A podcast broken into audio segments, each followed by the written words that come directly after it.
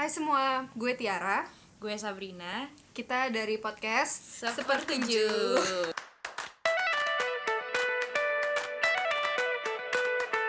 Yaudah, balik lagi bersama kita podcast Sepertujuh. Jadi, eh, oke Tiara, sambil ngedit. sambil ngedit ya guys Sumpah gue jadi deg-degan.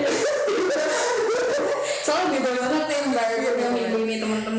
Iya. biasanya kita di di dalam kamar. Eh aneh banget sih. Biasanya di dalam Biasanya kita di kosan. di kosan berdua doang. Hmm, kalau enggak ya sama teman-teman kita paling. Tapi sekarang kita nyobain. Ini rekaman pertama kita di luar kosan. Kosan. Kita rekaman di kamar. Keren banget. Ya jadi em, hari ini beda dari hari-hari biasanya. Hmm. kita mengundang orang langsung aja ya langsung aja gitu langsung aja lah jadi backgroundnya dulu Oke, jadi tuh dua minggu yang lalu, uh, uh, gue sih, gue datang ke sebuah acara um, annual annual event di Jogja. Mungkin kalian semua yang kuliah di Jogja atau yang berdomisili di Jogja mungkin familiar kali ya. Jadi ada acara namanya Career Insight. Itu one of uh, the highlight of my week lah pokoknya datang ke acara itu. Nah kebetulan Sabrina ini panitia ya. ya kebetulan saya panitia dan ya udah sih Uh, terus jadi kita kayak kepikiran pengen ngebahas tentang Career Insight ini orang-orang di balik salah satu salah satu ya ini orang penting loh. Ini kalau nggak ada dia ini nggak ada Career Insight. kalau iya makanya Gimana tuh? Jadi kita mengundang eh langsung aja ya. Uh, kita mengundang Christian Budiman uh, bisa memperkenalkan diri dan Ya. Uh, halo, nama saya Christian Budiman. Uh, jurusan kali ya? jurusan ya boleh Uh, jurusan manajemen di FEB UGM akan angkatan 2018. Hmm, yeay. Eh gue mau nanya dulu boleh nggak kenapa nama lo Christian? Ini kayak tanyaan pertanyaan semua orang gitu. Ya, saya banyak juga teman gue yang ngomong, kalau Kristen tapi kalau sembahyang gitu. Kaget ngeliatnya. Jadi awalnya gue tuh kayak tidak mempertanyakan hal itu gitu loh ke orang tua kan kayak kayak ya udah gitu. Cuman lama-lama baru tiga baru dua tahun ini kemarin waktu gue lagi galau-galau ya tuh kayak gue mempertanyakan semua hal ya quarter life crisis man sampai gue nanya- menanyakan hal itu. Ya gue tanyakan kayak "Eh, ma kenapa sih nama aku Christian? Gitu kan. Aku kan uh, muslim gitu. Papa mama juga muslim.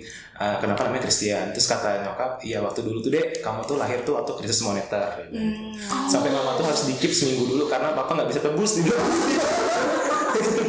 nah terus di waktu itu mama juga nggak ngeliat nama entah itu nama Islam, nama Kristen karena yang mama tahu Kristen itu adalah yang diberkati dan diberkahi. Jadi doa mama semoga dedek sepanjang jalan, sepanjang hidupnya itu selalu diberkahi Allah. amin tersentuh itu sih Iya. Jadi Christian Dwi. Budiman. Jadi Anak yang kedua. diberkahi. Iya. Oh anak kedua yang diberkahi Iya. dan Budiman Iya, bagus bagus namanya ya. jadi Ian ini adalah CEO Career Insight 2019. Keren banget. Jadi gue lihat Instagram lu tempo hari, eh tempo hari Keren banget. lo itu eh, dua tahun lalu ya, Iya. lo datang ke Career Insight Iya. sebagai peserta. Iya benar. Dan lo saat itu belum di FB Game Iya kan? belum masih di fakultas sebelumnya di vokasi. Iya. Jadi nih kalau dari gue sendiri ya, gue kan sebagai pendatang nih. Masalahnya Sabrina sama Ian di sini panitia nih yang yang mengadakan acaranya kan, yang membuat acaranya. Gue kan pendatang, jujur banget ya, insightful banget loh pada ini. Gue Syang semuanya keras. Yo.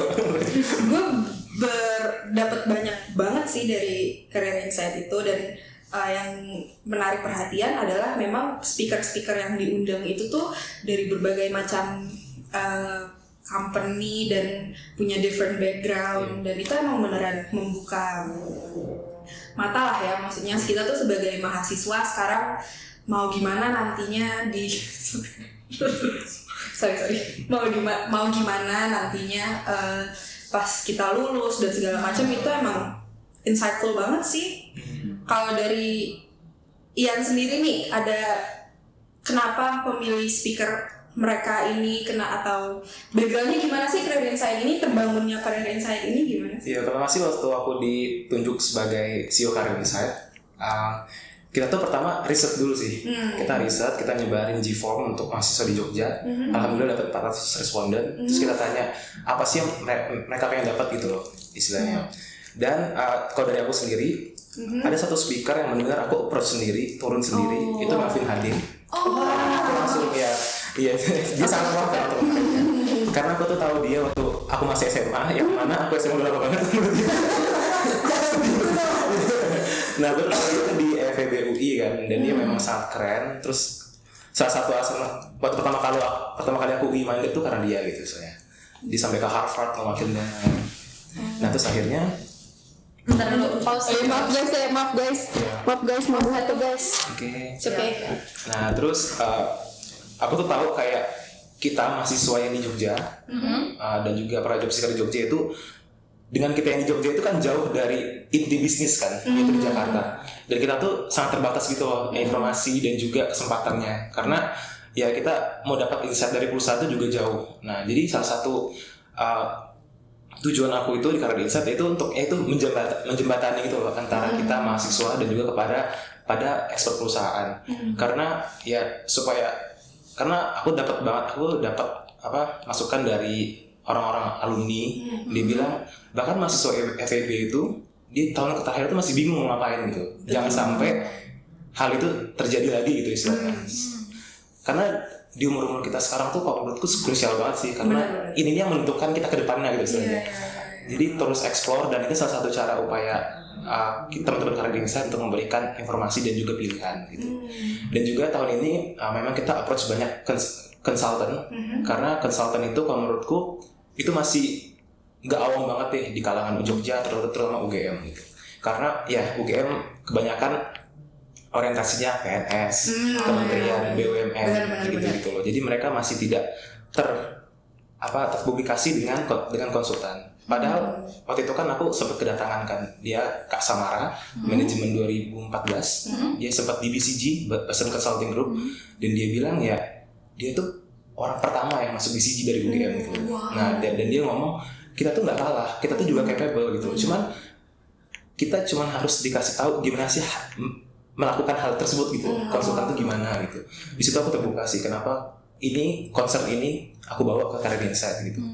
Gitu. Jadi supaya ya um, karena menurutku kayak proyek-proyek besar di Indonesia itu contohnya kemarin Ma- Ma- Marvin Hadi udah nyebutin kan kalau mereka bakal pindahin yang apa ibu kota ke Kalimantan. Dan Iya. mereka nyewa McKinsey consulting firm. Gitu Nah jadi ini maaf uh, ini Iya. potong untuk teman-teman yang nggak tahu Marvin HD ini dulu bekerja apa sekarang masih kerja sih? Enggak Uh, dulu di McKinsey. dulu di McKinsey which is consultant uh, consulting uh, company yang uh, ditunjuk oleh Bapak Presiden Joko Widodo sebagai sebagai apa sih itu sebenarnya sebagai konsultan Iya. untuk perpindahan uh, Ibu ibu, kota. kota. gitu makanya keren banget keren banget sih Iya, jadi kayak ini nih hal yang sebenarnya tuh tidak langsung terlihat tapi dampaknya tuh sebenarnya besar gitu. benar-benar Dan di situ aku juga berpikir sekarang tuh ada namanya kalau aku melihat istilahnya tuh profesional pemberdaya. wih Jadi walaupun kita bekerja di suatu firm perusahaan, tapi impact kita tuh bisa kena ke semua orang gitu. istilahnya. Dan itu makanya bisa jadi salah satu concern yang aku bawa sih ke Career ya. Tapi ya ya. Berat ya nggak nggak apa ya. Ini keren itu keren banget. Biasa kan kita ngomong-ngomong cetek cetek gitu. Biasanya biasanya kita cetek-cetek karena terus ya membawa ini ya keren sih bener juga. Eh, kalau Ian sendiri nih mau ngapain sih lulus Aku pengen nyoba consulting sih. Oh. Nah, salah satu kenapa reason aku akhirnya terpacu untuk S2 lagi karena aku di tahun kedua di vokasi karena aku tahu aku tuh akhirnya menemukan yang bikin aku tuh cocok dan juga aku berpikir aku bisa terus berkembang yaitu di consulting. Dan itu ngerequire aku harus S1 gitu sih. dan makanya aku coba is- bukan iseng-iseng sih maksudnya kayak nothing tulus nyoba SBM ternyata dapat di FEB UGM dan akhirnya ya udah aku jalanin hari-hari aku. Ini kayak mungkin orang melihat kayak aku buang umur dan lain-lain. Cuma aku melihat ini privilege sih. Kayak aku bisa aku udah tahu yang apa yang aku lakukan dan aku bisa mengu- misalnya dapat kesempatan untuk build lagi dari nol dan akhirnya untuk menuju apa yang aku pengenin gitu. Yaitu kan ya consulting. Iya iya iya. Tapi gue lihat memang lo gue gak enak jadi ngomong gue lo jadi angkatan. gue lihat lo memang kayak dari sebelum lo masuk FEB ini lo udah banyak pengalaman kayak lo udah pernah di Garuda Iya. gimana lagi sih? terus lo juga broker gila Iya. emang udah banyak banget Oh, iya. gue tuh pertama gue awalnya nggak tahu kalau lo tuh Ada. pindahan kalau salah satu lo memang agak hilang Oh iya, gue hilang dari peredaran terus terus terus. tapi ketika lo milih untuk pindah ini eh, lo consider apa aja yang lo consider sampai akhirnya lo bisa oke gue bakal pindah fix Hmm. Ya sebelumnya sih berat banget sih, kayak banyak hal gitu. Gue tuh dulu orang itu tipe, tipe orang yang apa aja gue hitungin gitu misalnya. Kayak cost and benefitsnya dan lain-lain. Nah waktu kemarin itu sebenarnya dua pilihan gue tuh rugi gitu misalnya. Kalau dari cost and benefit. Cuman akhirnya waktu itu uh, gue ngomong ke nyokap, waktu itu kan gue lagi magang di BKPM, badan apa badan koordinasi penanaman modal.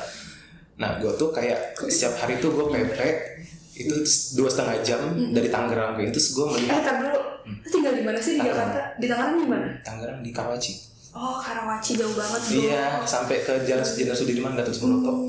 Nah, gue merasa kayak itu gue macet dan gue kayak berpikir emang ini ya hidup yang gue pengen gitu. Wih, Kayak uh, this life that I iya, maksudnya oke gue udah di tahun terakhir.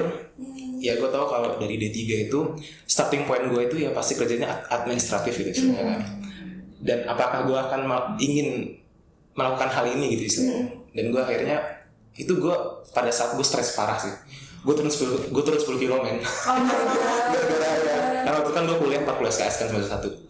Iya, 21 di FEB, 19 di DEB. Oh, dan iya, gue iya. waktu itu join pun student ex CEO dan juga ISEC. Oh Iya, gila. di Oh, Isaac? Iya, gue ISEC waktu itu dulu.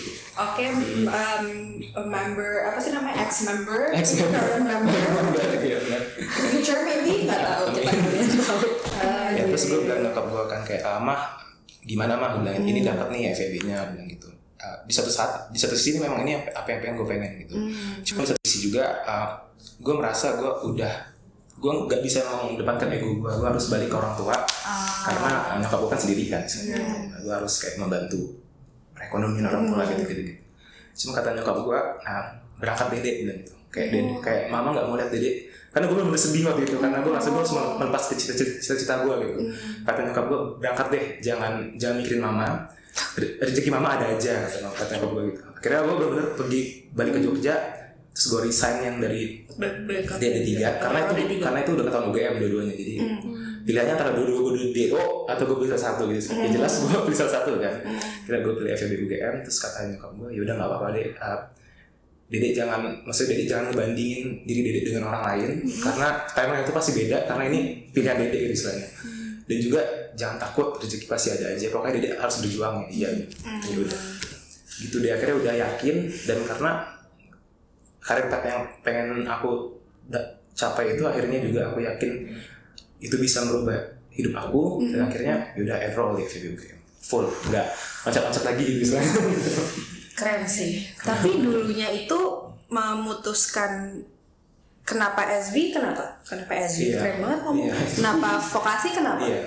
Jadi dulu itu aku tuh kan di SMA kan um, gimana ya? Aku tuh SMA tuh memang um, paralel kan istilah gitu kan.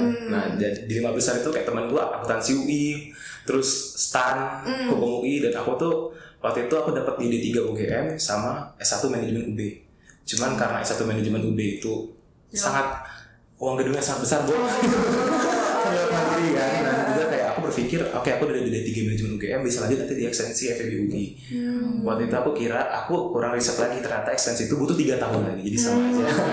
nah gitu. Dan juga itu mahal dan kelas malam.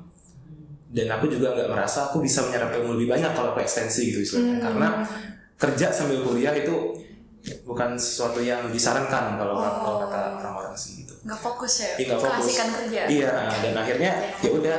Tapi waktu itu terpaksa nggak terpaksa sih karena ya udah milih D3 UGM dengan ekspektasi nanti bisa lanjut di UI. Manajemen UGM. Eh berarti kalau lo mau D3 nih, lo udah D3, lo udah dapet 3 tahun kan D3 Iya. tuh. Ah. Terus lo misalnya mau S1 itu lo butuh 3 tahun Tiga tahun di mana pun. Ah, untuk UI Kalau di UGM nggak bisa. U- UGM udah tutup. Wow. Udah tutup tuh maksud lu? Udah tutup untuk ekstensi udah nggak ada. Oh gitu. Jadi yang ada cuma di Cuman di UI. Kalau yang PTN? kalau kalau yang negeri ya. Kalau yang swasta lo butuh. 3 tahun juga. Swasta dua setengah tahun minimal. Wow. Dan itu kayak nggak tahu pengajarannya gimana gitu loh istilahnya. Gitu. Wah, sedih ya. Enggak sedih, itu beneran eye opening sih. Iya, iya, Soalnya personally ya gue gak tahu your background Ya. in a way kayak bahkan waktu dulu gue ditawarkan menjadi panitia CI gue telepon Shan. Gue kan Shan ngomongnya eh, apa namanya? Eh, iya ti. Jadi eh, ini ada eh, event career insight. Pasti kamu udah tahu juga ini CEO nya Christian Budiman Siapa? itu nggak tahu. Dan terus si siapa namanya? Si eh, siapa? Namanya Shan juga ngomong. Emang iya emang dia eh, semester satu nggak kelihatan Siti terus habis itu akhirnya aku mau bertanya ke orang-orang eh Christian Budi mana mana sih? Terus orang-orang tuh ngomong pas Amer datang kok pas Amer datang terus gue aja nggak sadar. Ya iya itu kayak ternyata begitu background story-nya. Iya. tapi sekarang udah di sini udah? Udah maksudnya udah ya udah lancar, sudah bisa ngikutin ritme juga. Gitu. Ya alhamdulillah maksudnya akhirnya gimana ya aku tuh selama aku di D3 tuh jujur aku kayak merasa was-was gitu loh. Oh. kayak gimana sih ke depannya gitu misalnya. Dan mungkin di situ aku belum belajar tentang gimana mindfulness sih gimana kayak kita iya kayak iya benar gitu. Tapi semenjak udah di FEB ya udah kayak udah ikhlas ya berarti memang ini jalannya ya lanjutin gitu misalnya. Kuncinya emang ikhlas ya Iya, bener. sih. Apa kita mau lanjut? Hmm. Oke, jadi keputusan yang lo buat untuk pindah jurusan Hmm. dan ngulang dari nol, Iya. lo menyesalinya atau enggak? enggak sih. Sama sama sekali enggak. Kayak um, mungkin menghadapinya awalnya berat banget kan. Kayak omongan orang bahkan keluarga gue sendiri itu loh. Yakin deh kayak kamu dua tahun buang-buang duit buang-buang umur gitu. Cuman waktu itu gue magang di BKPM itu gue ketemu um, senior analis kayak untuk hubungan kerja sama luar negeri itu. Gue sempet cerita dan dan, dan dia ngomong gini lo tuh kuliah lu sama dua tahun kemarin tuh lu bangun pagi lo lu kuliah lu belajar lu udah magang di Garuda di mana mana mana apakah itu semua sia-sia? Sekarang gini aja deh. Kalau lu masuk kerja yang dilihat itu bukan ijazah tapi kompetensi lu. Betul. Gitu. Sekarang lu tuh dikasih kesempatan lu untuk kayak ketapel deh. Kayak lu mundur dua langkah untuk melesat 10 langkah ke depan gitu loh. Jadi it's okay bilang gitu. Jadi menurut gua yaudah sekarang lu kalau mau ini lu balik ke Jogja lu resign dari D3 a- am- ambil S1 dia bilang gitu karena uh, gue punya adik adik teman gue juga yang dia D3 UI tapi dia lanjut di Perbanas gitu. Yang mana si- sistem dan juga pengajarannya beda gitu istilahnya dan gue juga melihat pendidikan itu merupakan sebuah investasi bukan biaya. Betul. Gitu. Jadi gue betul setuju. ketika gue mau ngambil pendidikan ya memang harus bagus gitu. Apa pun whatever it takes gitu. Betul betul ya karena gue merasa ya gue masih pengen belajar. Ada keinginan untuk S2 nggak tuh pasti pasti gue pengen banget S2 cuman cuman gue consider untuk kerja dulu Iya. Siapa tahu kantornya mau biayain. iya bener banget kalau jadi dosen ada keinginan nggak nah itu dia sebenarnya nggak tahu ya cuman mungkin nanti setelah jadi setelah konsultan kalau mungkin udah udah lama terus kayak merasa kayak ingin memberikan impact yang lebih dalam lagi mungkin aja terus Berbagi ilmu ya ya. mungkin Bagi ilmu. Oke oke keren banget. Langsung aja mau nggak kita mulai bacain? apa mau ngomongin career insight dulu deh tadi kayaknya Ayo lah, career insight ya lanjut deh cari insight dulu. Oke, jadi ini sih yang gue bilang tadi sangat menginspirasi kalau menurut gue. Dia 2016 datang sebagai peserta. ya 2017 Eh, Iya, 2017, tahun sorry dulu. banget. ya nggak apa nggak apa kurang tujuh Jadi lo 2017 datang sebagai peserta dan itu lo datang karena temen lo atau? Ya waktu itu waktu itu kan gue tahun kedua di program D3 kan. Di mana gue tinggal tahun depan gue udah mulai masuk dunia kerja. Waktu itu gue berpikir ini kok gue selama ini selama ini belajar doang gitu istilahnya. Tapi gue nggak tahu nih nanti field ke depannya itu gimana tuh akhirnya gue waktu itu ada event Career Insight terus gue akhirnya daftar lewat teman ngajak teman juga waktu itu dari D3 datang gitu. Dan benar-benar kayak kebuka pikiran gue bener-bener how, kayak how to build CV gimana interview dan juga lain-lain. Dan juga dunia kerja itu berbeda gitu loh dengan kita selama ini kuliah. Kayak semua itu tidak terprovide. Beda sama kayak kita kuliah. Benar-benar Nah di saat itu gue kayak berpikir oh ya berarti ya gue merasa dat- datang datang acara itu gue one step ahead dari teman-teman gue yang nggak datang gitu loh. karena mereka masih berkutat dengan kayak oh ya nih nanti ujian gini gini gini tapi mereka nggak prepare buat ke depannya gitu. Kalau gue kayak gue langsung bikin LinkedIn, bikin C- terus bikin CV nyusun apa, gue tahu dari Career Insight kemarin.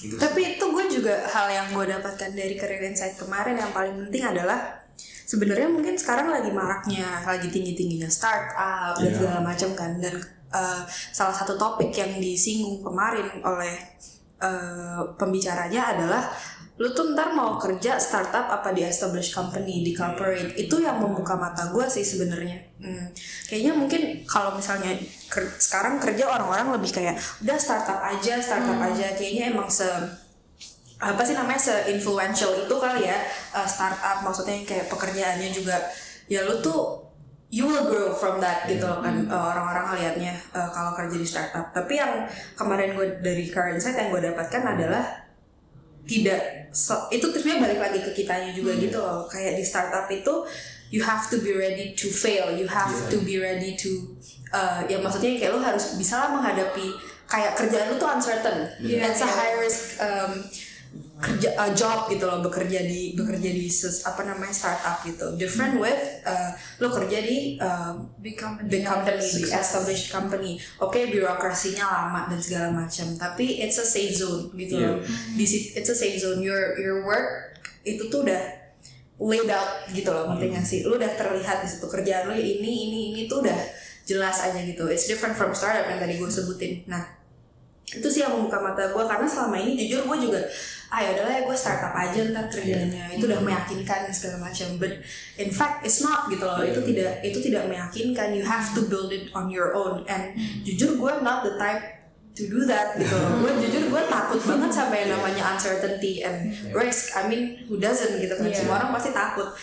Kayaknya itu sih yang gue kemarin gue juga tersadar di situ. Jadi kayaknya sekarang uh, mindset gue juga berubah gitu loh if I were to work nantinya gue mungkin akan fokusin diri gue ke established company instead of ke startup company itu yang keren sih gue beneran kayak nggak sia-sia deh gue datang ke karir saya sejujur jujurnya Thank you.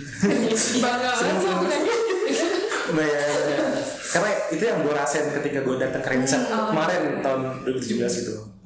Terbuka dan cerahkan gitu sih. Iya sih Gak, nggak mau jadi Nah, mungkin lo nanti bisa datang jadi speakers. Oh, iya, amin. Online, iya. Siapa yang tahu kan ya Allah, amin. Keren juga sih speaker speakersnya. Nah, em, sebenarnya di episode minggu lalu ya, kita kan Oh, ngomongin ini yang belum denger juga. Apa namanya?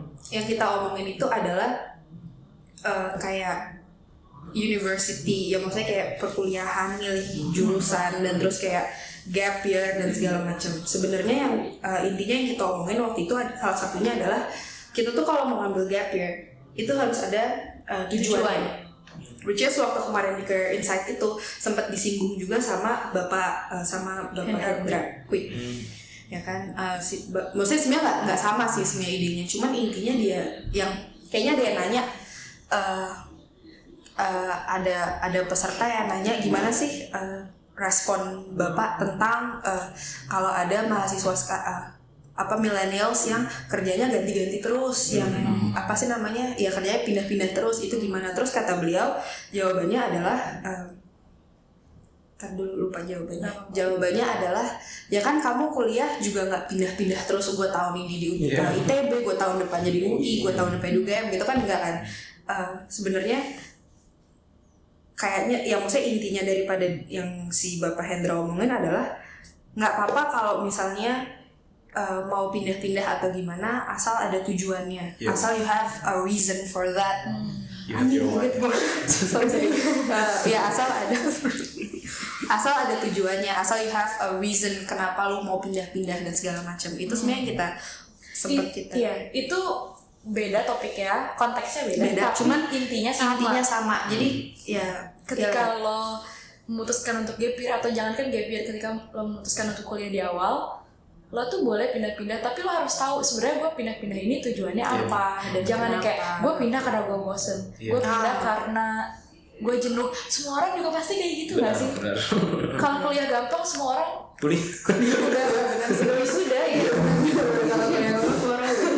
Nah di sini juga kemarin kita tuh nanya di Instagram Sabrina sama di Instagram Tiara. oh, ya. mau, mau mulai kita buka Eh kita buka. Oke, Jadi oke. kita nanya ke ke mana namanya ke ya followers kita berdua sih sebenarnya ya tentang tentang gap year tentang eh, changing majors dan tentang dropping out. Nah kita ada yang mau dibacain duluan Sabrina. Nah kita nih gue nih gini lucunya tuh kita berdua sama-sama nggak tahu jawaban followers dia apa, Oh, iya, jawaban iya. followers apa apa. Jadi let's surprise each other. Kalau misalnya kamu ada yang mau diomongin ya langsung aja ngomong ya. oke siap siap gue gue mulai duluan ya Iya. jadi ini banyak banget yang ngebales ada yang kayak ngejawab bercanda kayak nggak ada saya nggak punya otak saya nggak punya opini tentang ini gitu bercanda bercanda ada juga yang banyak yang bilang kayak changing major is okay because it is never too late to start. Terus banyak juga yang kayak it's okay. Dan ada banyak jawaban menarik kayak jawabannya salah satu teman kita dia bilang gini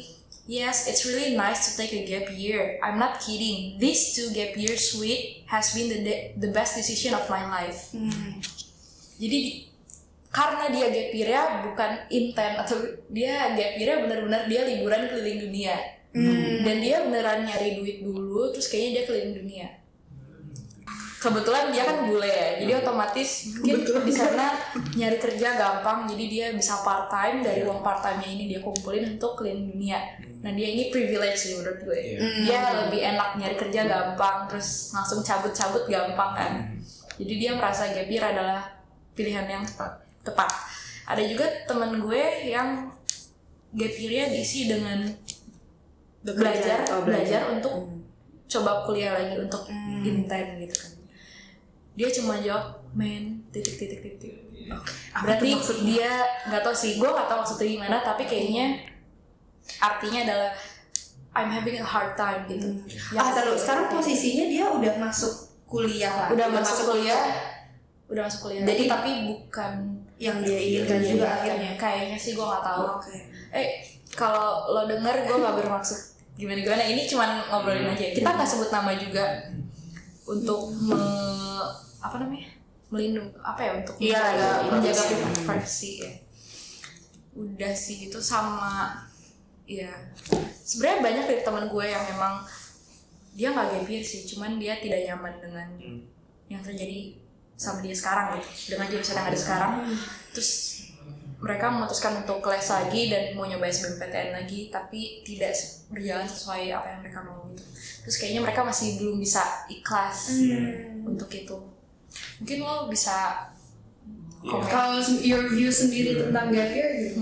Kalau gue sih, gue salut banget sama orang yang bergap year gitu kan. Karena mereka bener-bener taking risk gitu kayak ya udah gitu. Memang kalau gue nggak bisa tahun depan, tapi gue tahu nih ini yang pengen gue pengen.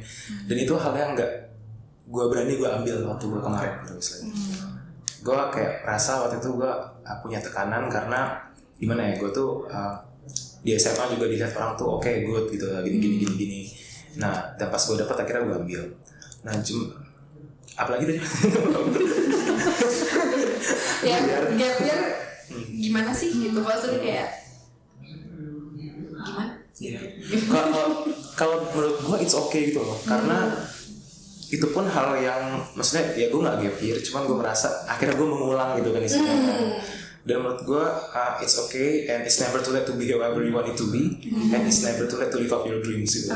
Dan kalau memang lu udah kuat dan menurut gue tuh you you have to find your why gitu loh.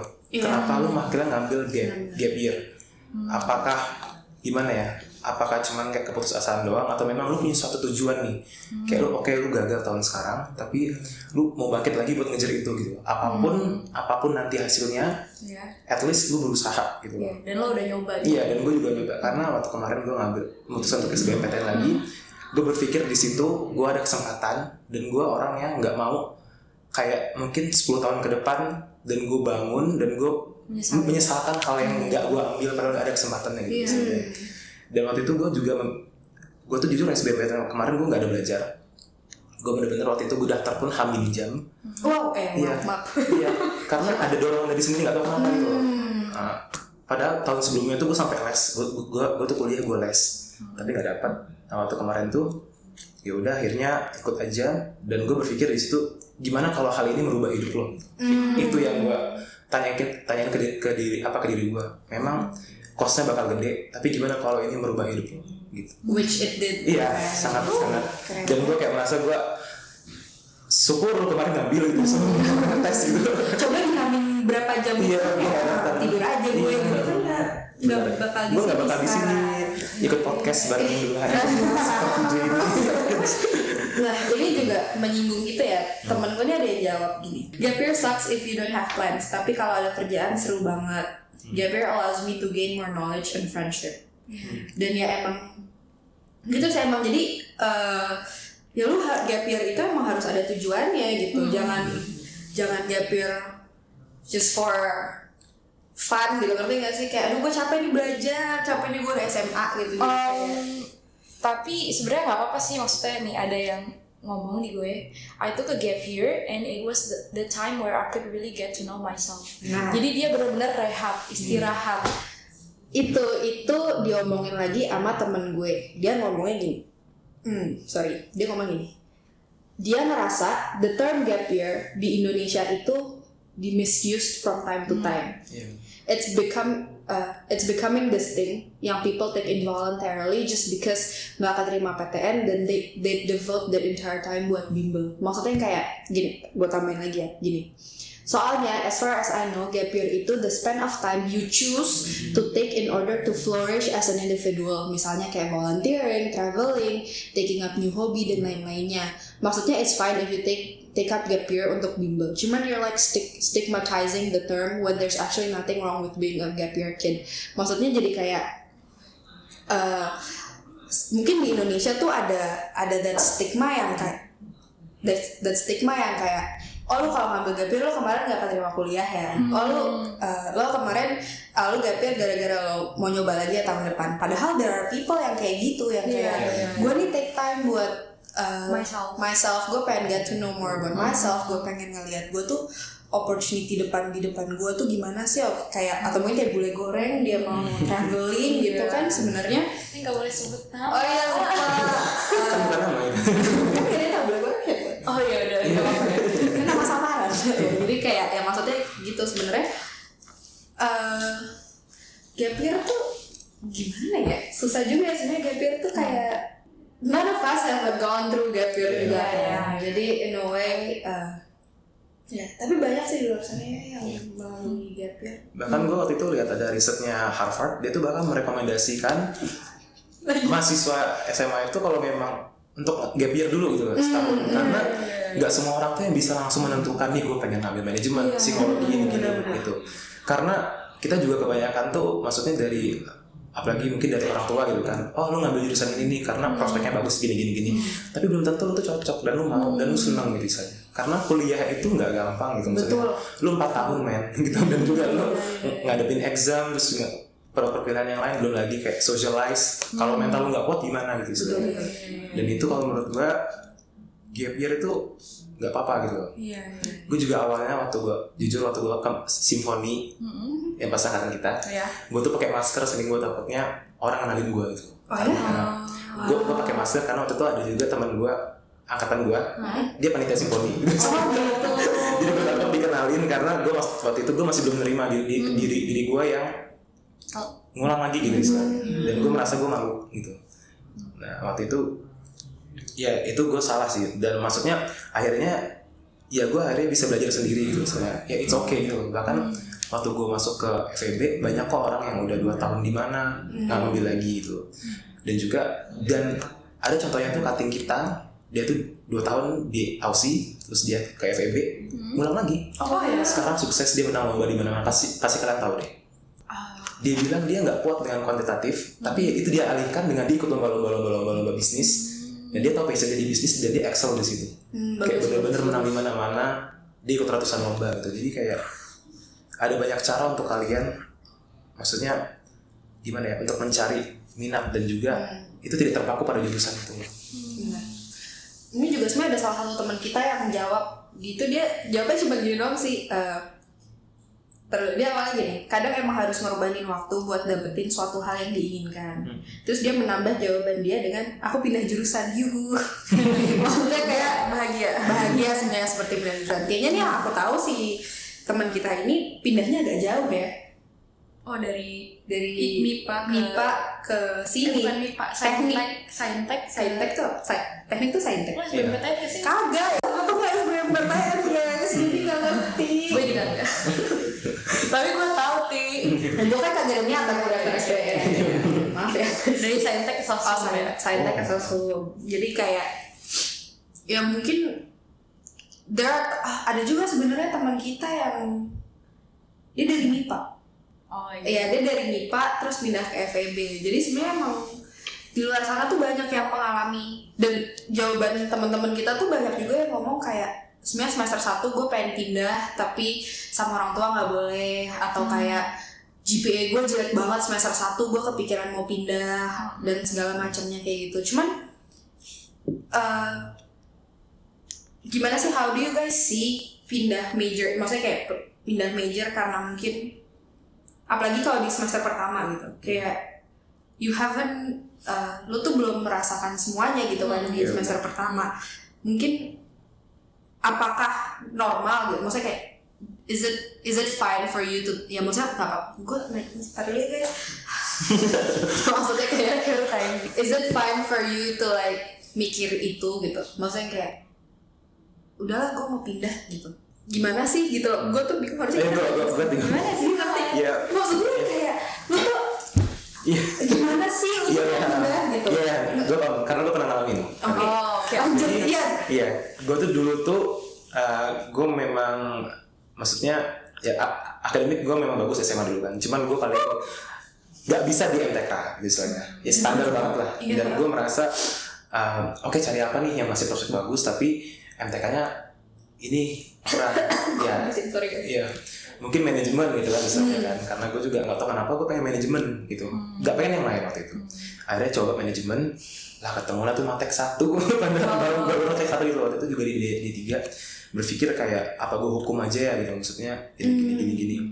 Cuman sampai um, akhirnya yang gue sadar, ya itu semua proses itu. Loh. Ketika lu struggle ya memang lu harus coba menggali dulu deh, jangan langsung pengen pindah pindah pindah. Karena uh, kesempatan yang yang punya sekarang lu pengen pindah belum tentu tahun depan dapat gitu istilahnya gitu. dan belum tentu lu nyaman Iya, belum tentu nyaman. Kalau lu gak nyaman lagi terus lu, lu pindah lagi. Iya, iya, iya.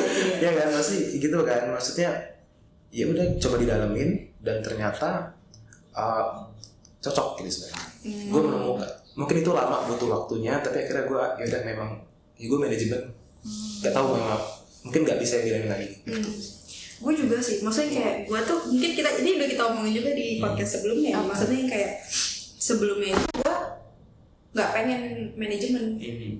Gue mau jurusan lain gitu kan. Bahkan dulu pas baru awal masuk tuh gue udah ada pikiran kayak udahlah kalau emang gue nggak ngerasa cocok di semester 1 setelah semester satu ini gue pengen pindah. Itu tuh ada ada ada pikiran seperti itu. Gue pengen nyoba apalagi ada iming-iming nih kayak fakultas sebelah nih. Tuh yang jurusan yang gue mau ada IT-nya bro. Oh, iya. baru kan baru kan. Mau itu gue jujur ini banget apa namanya eh, menarik banget gitu. Cuman eh, setelah satu semester satu semester dijalani terus kayak bahkan habis UTS dulu semester 1 saking gue stresnya gue habis UTS gue nangis nelfon ibu bu aku nggak bisa UTS aku nggak bisa nilai aku pasti jelek banget terus yang maksudnya gue struggling semester 1 tuh struggling makanya kalau misalnya temen-temen yang semester 1 tahu gue tuh nggak ngambil nggak ngambil event sama sekali kecuali game jazz. Gue gak tau lu semua. Oh iya tahu ya. tahu ya Allah. Dulu kan kita event gak ya maksudnya dulu tuh aku nggak nggak ngambil Iya. event sama sekali. Padahal jurusan manajemen ini eventnya banyak banget kan. Aku cuma ngambil dulu UGM Jazz itu pun eh, divisi yang sebenarnya nggak penting-penting banget gitu. Ya penting sih cuma Iya. maksudnya yang kayak bukan yang kayak Main gitu ya. ya bukan yang kayak main gitu kan. Jadi I have a lot of time buat uh, akademik dan segala macam. Tapi still UTS UAS tuh aku masih nggak bisa. Dan aku ngomong sama ibu bu aku nggak bisa bu aku nggak bisa.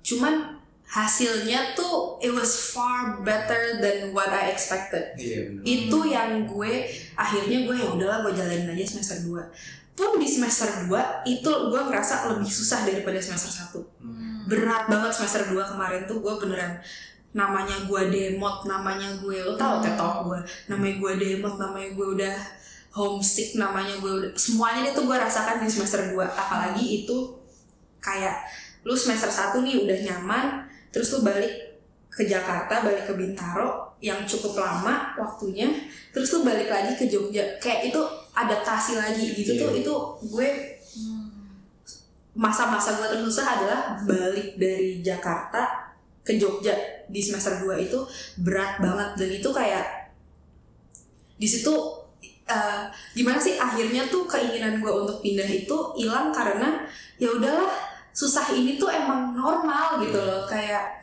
gue di semester 1 susah semester 2 susah ke depannya akan makin susah gitu loh. Kayak nggak ada yang gampang ya tadi kalau misalnya gampang kita semua udah lulus ya kan jatuhnya gitu ya emang Tapi lo kalau manajemen di sana tuh lebih banyak prakteknya atau sama Iya aja? lebih prakteknya.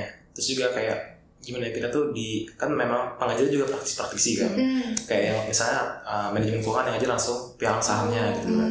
Cuma di satu sisi gue merasa ya gue tidak bisa mengembangkan originalitas berpikir gue gitu loh.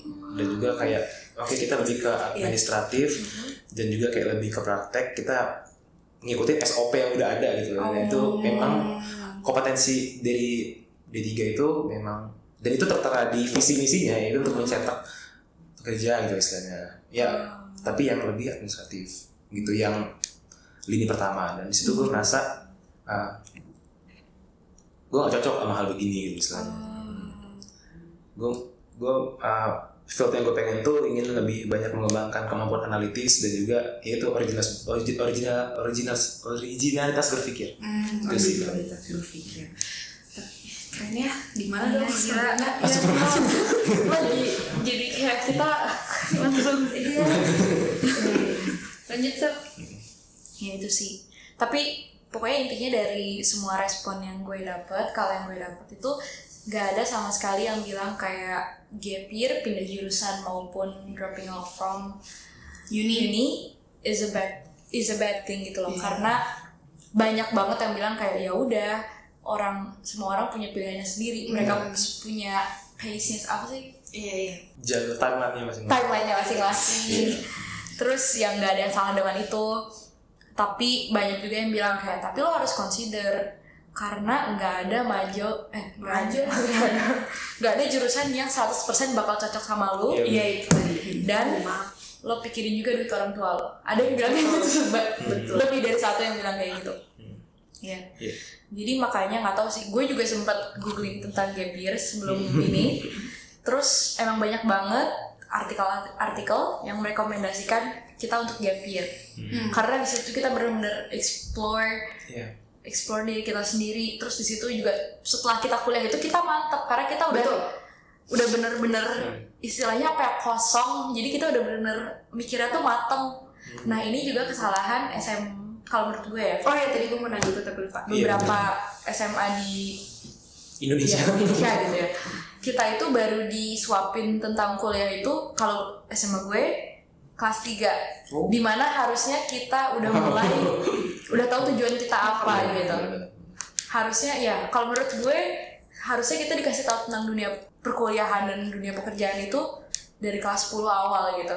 Jadi emang SMA itu harusnya diperuntukkan untuk persiapan kita untuk masuk kuliah atau dunia pekerjaan gitu.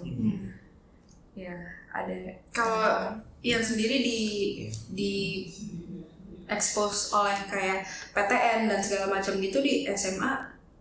Iya. Waktu itu gue nyari sendiri sih. Maksudnya, Hmm. waktu itu- Resourceful gitu. Waktu itu gue sakit hati karena waktu itu kan uh, kan gue SMA tuh kan dari kelas 10 kita udah dipotin kan IPA IPS gitu kan. Hmm. Nah dari SMP gue tuh kayak kok yang uh, maksudnya yang biasa-biasa aja mereka tuh masuk IPA dan gue tiba-tiba masuk IPS Oh, gitu. IPS. gue IPS dan itu gue kaget banget.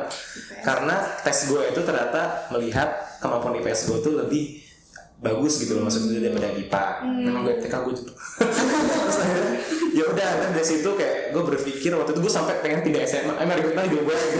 Pindah terus. Ya, apa gitu kan iya. Terus gue ngomong kayak "Eh, gimana mah? Gitu kan kata nyokap gue ya udah gak apa-apa bilang gitu. "Eh, terus sekarang dia mending fokus deh kan nanti ini kan SMA cuma tiga tahun doang kan? Dan juga ke depannya dia itu masih panjang. Betul. jadi jangan jangan terlalu banyak meratapi ya bilang gitu. Sekarang coba searching diri nanti ke depannya tuh pengen jadi apa gitu. jurusan jurusan apa? Gitu sih. Oh sama pengen komentar juga yang kayak uh, apa yang tadi yang gap year itu kan yang consider uh, duit orang tua. Ya itu benar sih. Itu gue rasain banget. Dan gue waktu ngambil FEB juga gue berpikir gue udah komitmen oke nih gue selama ini kuliah udah dibayar orang tua dibayar nyokap gue gitu kan istilahnya. Gue harusnya bisa ngasih feedback karena gue udah bisa kerja. Gue memilih untuk study lagi dan itu gue thanks to my mother benar-benar karena dia tuh ngasih gue life yang dia sendiri tuh mungkin desperately pengen buat diri dia sendiri gitu istilahnya. Dia ngasih kesempatan itu ke ke, ke gue gitu dan di dan di situ gue komitmen oke kalau gitu segimana bagaimanapun gue harus meminim- meminimalisir apa biaya gitu istilahnya. Makanya gue nyari part time lah sebenarnya capek gitu istilahnya kayak kuliah organisasi part time gitu sampai kayak mungkin teman-teman yang lain bisa kayak hangout terus kayak punya jam tidur siang. Gue pikir kayak selama semester ini gue nggak punya jam tidur siang gitu gue pulang iya gue pulang malam gitu kan istilahnya kayak it's okay gitu lah yang penting do your best dan juga jangan terlalu membatasi keajaiban Tuhan dengan ekspektasi lo gitu Ya, karena gue merasa banget waktu itu memang economically keluarga gue gak stabil. Cuman setelah gue memilih FEB UGM, kayak the whole universe tuh berbalik mendukung lo gitu.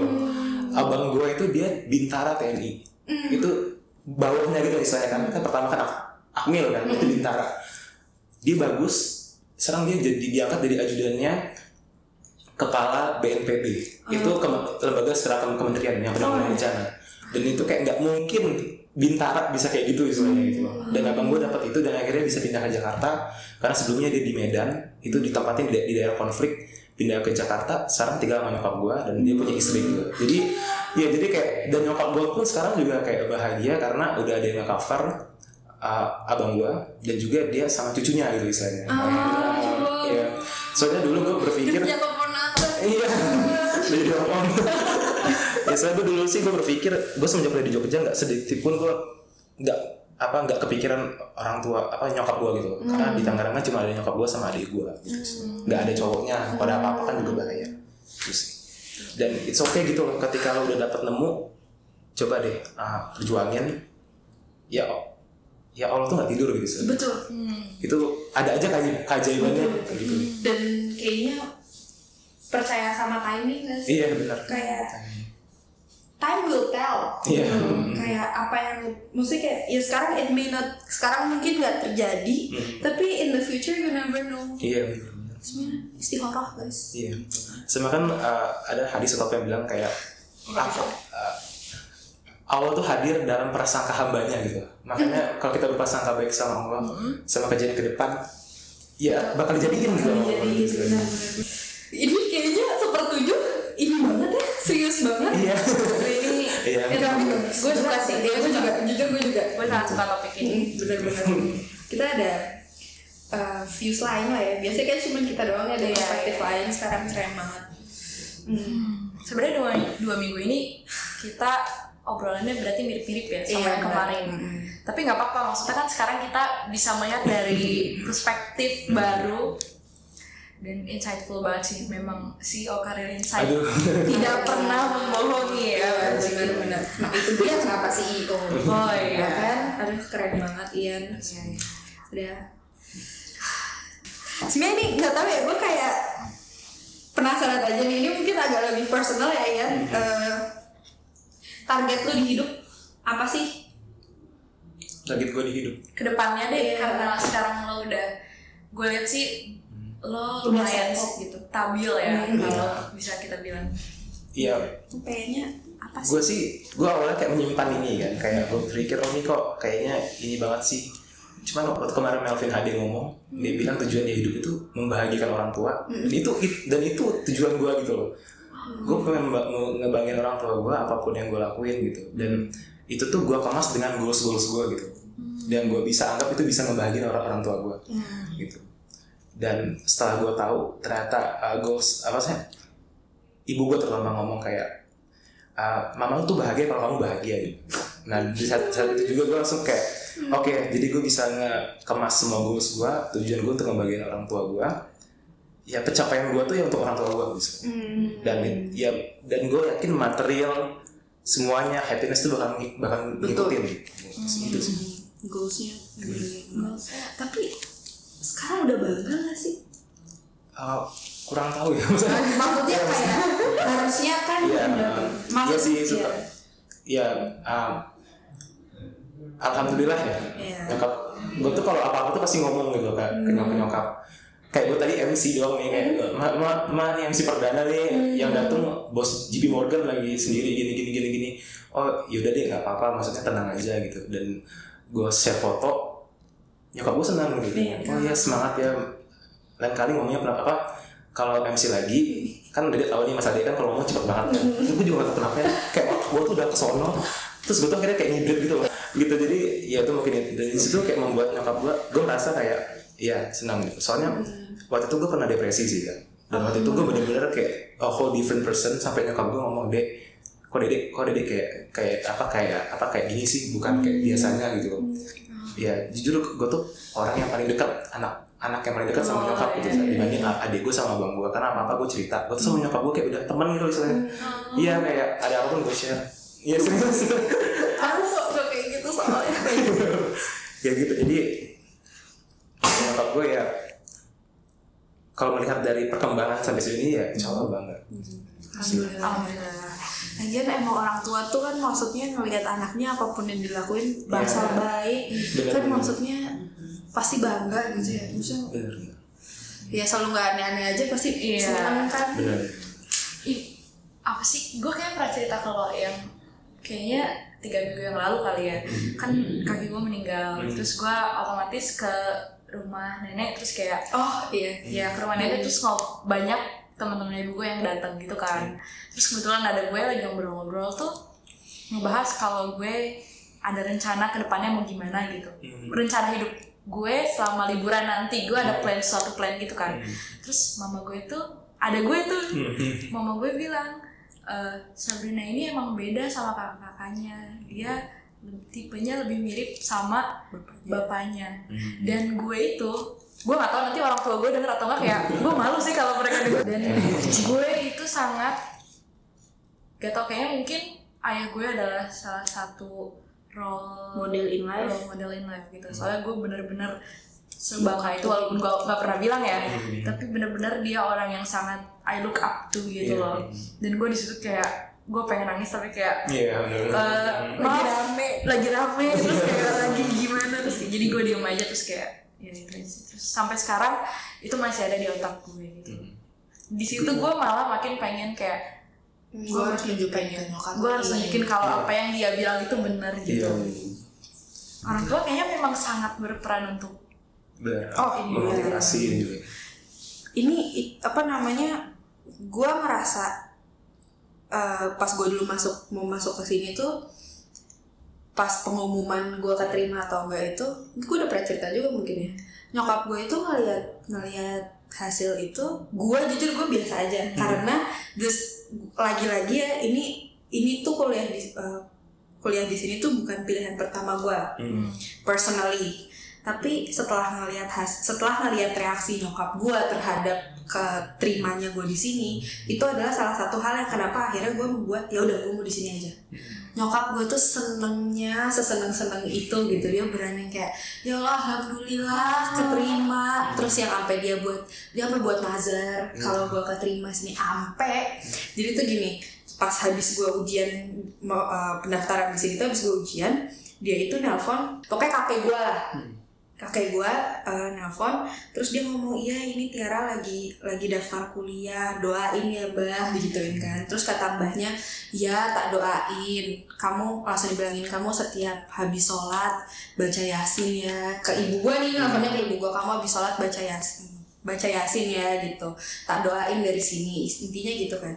Itu dijalanin sama nyokap gue dia sholat dia baca yasin habis sholat dia apa namanya dia dia sholat tahajud segala macem tuh di dijalanin. Di situ gue ngeliat kayak oh ya mungkin emang terlepas daripada keinginan gue gue jadi di sini nggak boleh egois gitu loh.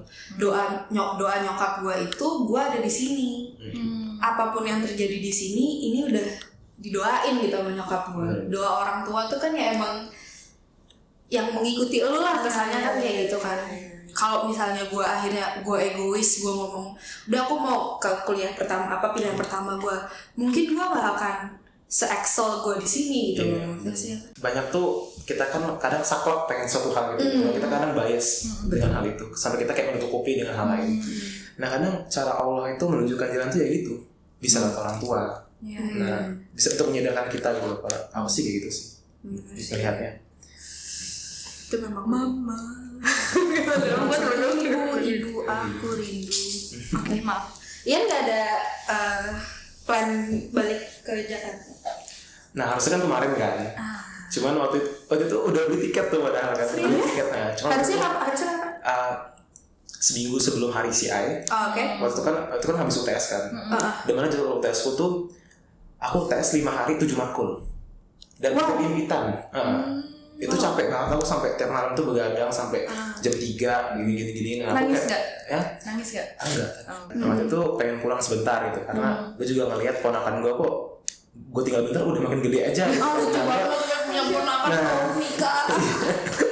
Dan gue takut kayak gue melewatkan masa-masa ponakan gue lagi lucu-lucunya gitu oh Terus ponakannya cewek apa cowok? Cewek. Oh, nah gitu. terus juga kayak nyokap juga ya udah pulang pulang aja deh gitu kan. Cuman pas waktu kemarin izin ke BOD si Ayoen kan bilang gitu. Ah. ya Chris kan udah janjian sama Phoenix gini gini gini gini gini. Oh ya di situ aku kayak coba refleksi lagi. Oke kalau aku sebagai mahasiswa mahasiswa doang mungkin oke pulang.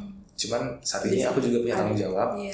Gitu loh istilahnya. Dan akhirnya ya udah nggak pulang gitu tapi sebelumnya kan juga ada refleksi juga dari yang teknik FEB UGM tuh kayak udah lumayan bisa ngais Hmm. semua. Cuman nanti rencana pulang mungkin dua minggu ke depan ya? Sekalian JGTC kan JGTC Oh. JGTC itu Aku gak tau tuh. Just goes to kampus acara FEB oh. Yang datang siapa? Rini terus ada banyak. Ini ini sangat insightful sih. Gue sangat suka. Kalau gue juga sih. Mungkin iya sama ini sih kayak aku kan merasakan kayak waktu kemarin waktu mau ambil FEB juga banyak bahkan keluarga aku sendiri kan kayak semua orang tuh kayak menentang gitu. Teman-temanku yang udah yang udah di kedinasan yang udah kerja gitu kan kayak ngapain gini gini gini gini gini? Ya cuman coba deh kayak asalkan itu bener-bener why lo Mm-mm. dan lo kuat firasat lo grit lo memang di situ lakuin aja apa pun halnya. Karena kalau kita jelasin pun orang tuh kan mengerti gitu lah ya dan Betul. akan mendukung tapi ketika lo menentang hati lo sampai kapan pun ya gitu. Ketika yang dilakukan itu setengah hati jadinya setengah jadi. Oh iya jadi keren banget. ditutup oleh quotes. Kayaknya judul podcastnya iya. benar ya, ya pokoknya itu sih kayak jangan terlalu maksudnya ya gitu. Yang tahu yang baik buat diri lu sendiri itu ya lu sendiri. iya betul betul betul betul betul. Gue tuh belakangan ini kayak lagi merasa gue nggak tahu apa yang diri gue mau gitu. Jadi gue merasa gue coba ini itu, tapi gue nggak pernah master dalam dalam suatu hal. Hmm. Dan gue tuh kayak cuman istilahnya di permukaan doang gitu loh. Gue tuh pengen banget kayak fokus ke satu tempat, tapi itu gue nggak tahu tempat yang bener-bener gue mau tuh apa gitu. Soalnya misalnya musik, gue tertarik banget dengan musik, tapi gue skill gue tuh bukan sampai di titik di mana lu bisa bermusik terus gitu loh. Sedangkan kita belajar manajemen yang bukan dari gimana tapi dibandingkan jurusan lain tuh kita gen- general iya banget. jangan lo pernah mikirin kayak gitu kan gue sempat takut malah. Oh iya? Ya kayak nanti gue kerja gimana ya? Kayak bisa disalip anak teknik bisa disalip anak apa? Betul betul. Iya, iya. kalau HR lu disalip anak psikologi betul kalau keuangan disalip anak akuntansi gitu kan. Nah jadi ya kalau menurut gue balik lagi sih kita punya sebenarnya kita punya strength sih menurut dan juga nanti itu yang di dunia kerja itu kan udah udah di reveal kan sama World Economic Forum juga. Di dunia, di dunia kerja itu nanti lo akan belajar hal baru lagi gitu. Jadi jangan pernah takut. Tapi yang harus lo siapin dari sekarang tuh itu tadi kayak complex problem solving. Terus juga emotional intelligence. Terus decision making dan juga judgment professional judgment lo gitu. Itu yang bakal nanti bisa bikin lo belajar lebih banyak hal lagi dan bisa sukses gitu. Itu sih menurut gua. Dan kita kuliah itu tuh itu tuh basic gitu sebenarnya gitu. jadi jangan tak Iya pernah ada kepikiran gak mau kuliah ya? pernah waktu waktu gue bingung itu waktu gue jalanin dua kuliah itu gue berpikir kok ini nyakitin deh kok ini Gimana gimana? Sorry sorry. Las agak las tadi. Iya, kok waktu gue kuliah yang dua itu Hah? ini kok stressful dan ini dan, dan ini kok nyakitin ya. Kayak gue ngapain kuliah sih? Nanti kan gue juga mati gitu misalnya. Eh iya. Nah, gue gue kayak gitu. Iya karena gue memang lagi masa down banget sih. Ngapain gitu loh? Ngapain sih orang juga kayak nyokap gue juga bisa bangga kok sama abang gue yang udah gini-gini gini gitu kan. Ya itu pernah di posisi itu, cuman akhirnya gue berpikir kita selama di dunia ini juga selain kita hidup, kita kan juga berusaha untuk mendapatkan manfaat gitu. Jadi ketika lo memposisikan diri lo cuma untuk diri lo sendiri, itu pasti nggak akan pernah cukup. Cuman ketika lo posisikan diri lo untuk bisa memberikan manfaat kepada banyak orang, lo bakal punya value sendiri gitu. Dan itu bisa jadi alasan kuat lo buat kuliah, buat hidup, buat lain-lain. Itu yang kita omongin juga seminggu lalu. Yang kita dapatkan dari kuliah itu Oh, nggak iya. cuma Iya, akademiknya iya, ya. iya. Gue dulu juga sempet kepikiran nggak mau kuliah Hmm. karena financial problem satu kayak ada Iya. eh, nggak mau kuliah itu sampai yang kayak gue anyway gue mencari eh, Alasan. bu- bukan mencari lebih mencari kayak gini eh, kan gue international school nih Hmm. gue terus Privilege privilege. Nggak eh nggak IB gue tuh nggak IB gue nggak IB Nggak IB. maksudnya kayak dulu pokoknya gue ikut IGCSE itu kayak Cambridge-nya uh, kurikulum Cambridge. Nggak apa-apa. Kurikulum Cambridge uh, kelas 9 dan kelas 10 jadi di, di at the end of kelas 10 lo itu ngambil tes yang tesnya itu dapat sertifikat yang sertifikatnya bisa untuk daftar uh, at least foundation year sama diploma. Gitu kan. Itu in a way kayak karena gue dihadapi oleh financial problem ini gue berpikiran gue mencari cara gimana caranya gue bisa memendekkan waktu gue kuliah. Hmm. karena itu tadi gue nggak gue nggak mau ngebe maksudnya kayak nggak mau ngebebanin orang tua dan segala macam kalau misalnya gue baru lulus kuliah gue empat tahun itu tuh kayak anjir lama banget. Mendingan gue langsung cari kerja kayak atau kayak gue mem- memperpendek masa kuliah gue gitu kan. Akhirnya yang masuk yang salah satu yang gue pikirkan adalah kelas 10 itu gue ngambil ujian itu. Dengan yang gue punya itu gue foundation year setahun tiga tahun eh, kuliah. Nambah foundation year-nya itu kan. Jadi dari kelas 10 kelas 11 eh kelas 10 gue dapet ah, kelas 11 kelas 12 jadi intinya gue dua, dua tahun lebih cepat daripada orang lain. Oh. dengan gelar S1 juga. Oh. gitu. Jadi habis kelas 10 selesai 4 tahun kuliah. Gitu. 4 sampai 5 tahun lah pokoknya. Pokoknya itu lebih jauh lebih cepat daripada eh, Yang biasa gitu. yang biasa. Sampai gue nanya ke nyokap ibu lebih baik aku kuliah sekarang? Eh maksudnya lebih baik aku selesai pendidikan sekarang apa entar dan itu sebenarnya jawaban nyokap gue juga agak baik gitu sih. Sebenarnya dia nggak ngasih jawaban pasti. Cuman intinya orang tua tuh sebenarnya punya punya punya tabungan lah buat anaknya gitu kan. Dia pasti udah nyiapin buat anaknya. Cuman yang di situ tadi sebenarnya pikirannya nggak mau nggak mau nyusahin orang tua juga. Dan itu normal sih maksud gue untuk orang pikiran nggak pengen kuliah. Cuman Iya. Ya kalau bisa kuliah kuliah lah maksudnya gue setelah terekspos ter, setelah dunia, dunia kuliah dari sekolah juga Iya, benar. itu kayak ya tadi yang lu dapetin di kuliah itu nggak cuman akademiknya kok lu dapet cara ngomong ke orang Iya. how do you present yourself dan experience-nya juga lebih Iya. banyak jadinya. Itu tadi pendidikan itu investasi guys. Experience sih parah kita dapetin hal yang gak kita dapet tuh itu gue nge-quotesnya gue waktu itu eh, kelasnya Pak Rimawan saya ada quotes gini. Opportunity cost seorang itu kan lebih besar apa dia tidak memilih tidak memilih pendidikan. Hmm, jadi yang kalau kita nggak milih kuliah nih ya. itu kesempatan kita untuk menyerap ilmu apa bikin link dan semua itu tuh tuh nggak bakal dapat dan itu gede banget kalau kita nggak memilih pendidikan. Jadi penting tuh kalau menurut gue pendidikan. Ya. pendidikan. Oke kita setuju ya. Pendidikan penting. Sabrina gak pernah ada kepikiran nggak mau kuliah? Gue sampai S3 kan Udah ada Iya. visioner gue. sebenarnya gue bukan karena gue gak mau kuliah tapi gue mikir pengen fokus ke belajar lebih banyak tentang musik. Gue tuh dulu cinta itu sama musik. Ini mic.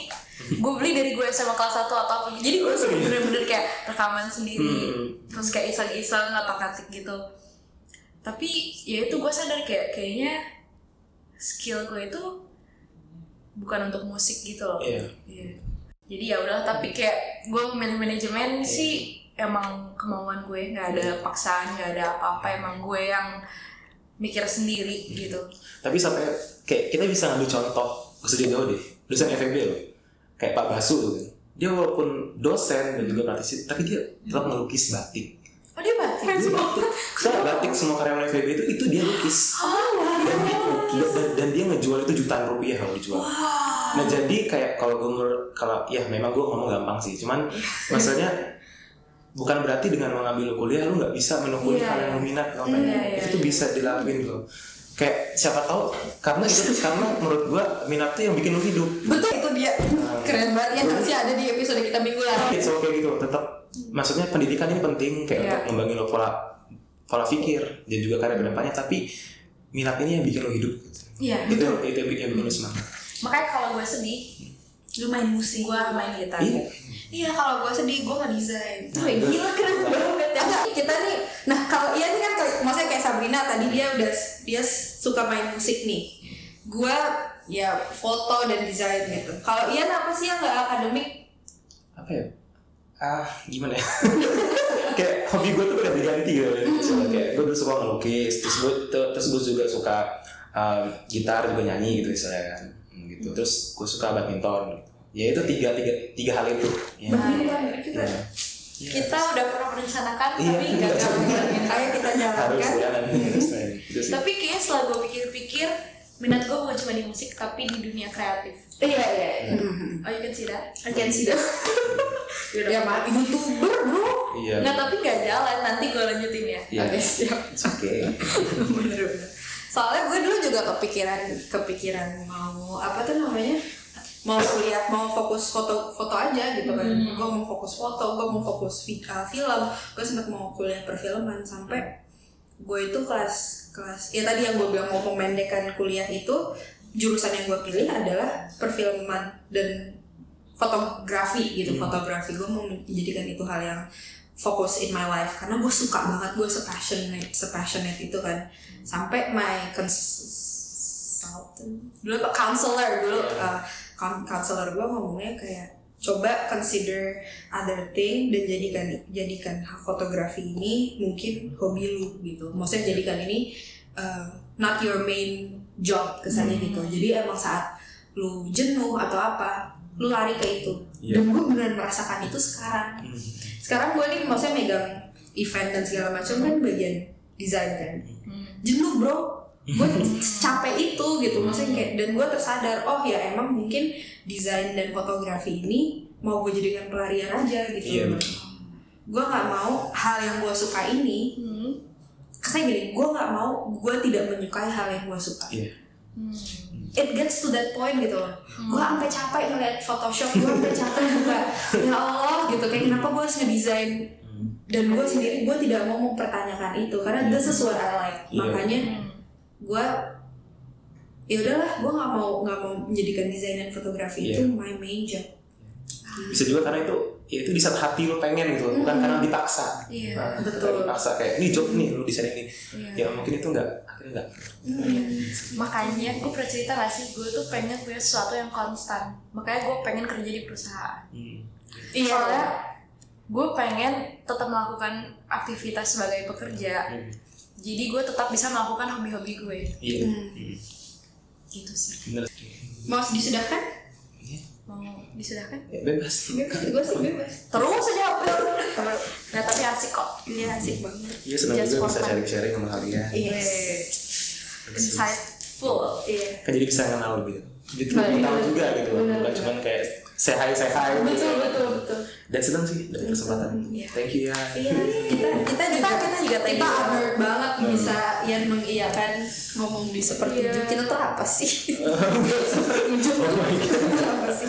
senang senang dengerin ya seperti itu iya pasti Iya. yaudah kayaknya Sudah? sudah itu aja Hmm. Ian say goodbye. Iya. Saya sepertujuh. kasih ini dong kayak Ujangan, ujangan, ujangan, ujangan. Buat halnya setengah hati. Iya, hasilnya setengah jadi. Yes, keren banget. Itu. ya pokoknya uh, tetap terus termotivasi ya gengs gitu. Karena ya mungkin ke depannya tuh apa uncertainties juga gitu kan. Cuman ya udah just do your best. Apa pun hasilnya ya lu berusaha gitu. Iya. lu nggak diem aja. Itu yang paling betul. penting. Ini nih gue dapet dari Kompas PPSMB gue. Dia bilang kalau misalnya lu coba itu kesempatannya 50-50 gagal atau berhasil. Tapi kalau lu nggak coba kesempatannya 100% gagal. Hmm, keren banget. Kopasnya sabi keren keren. Yaudah itu aja. Ini dari kita minggu ini. Ya, thank you. Terima kasih ya. You. udah? Dadah. Kita ketemu minggu depan. Semoga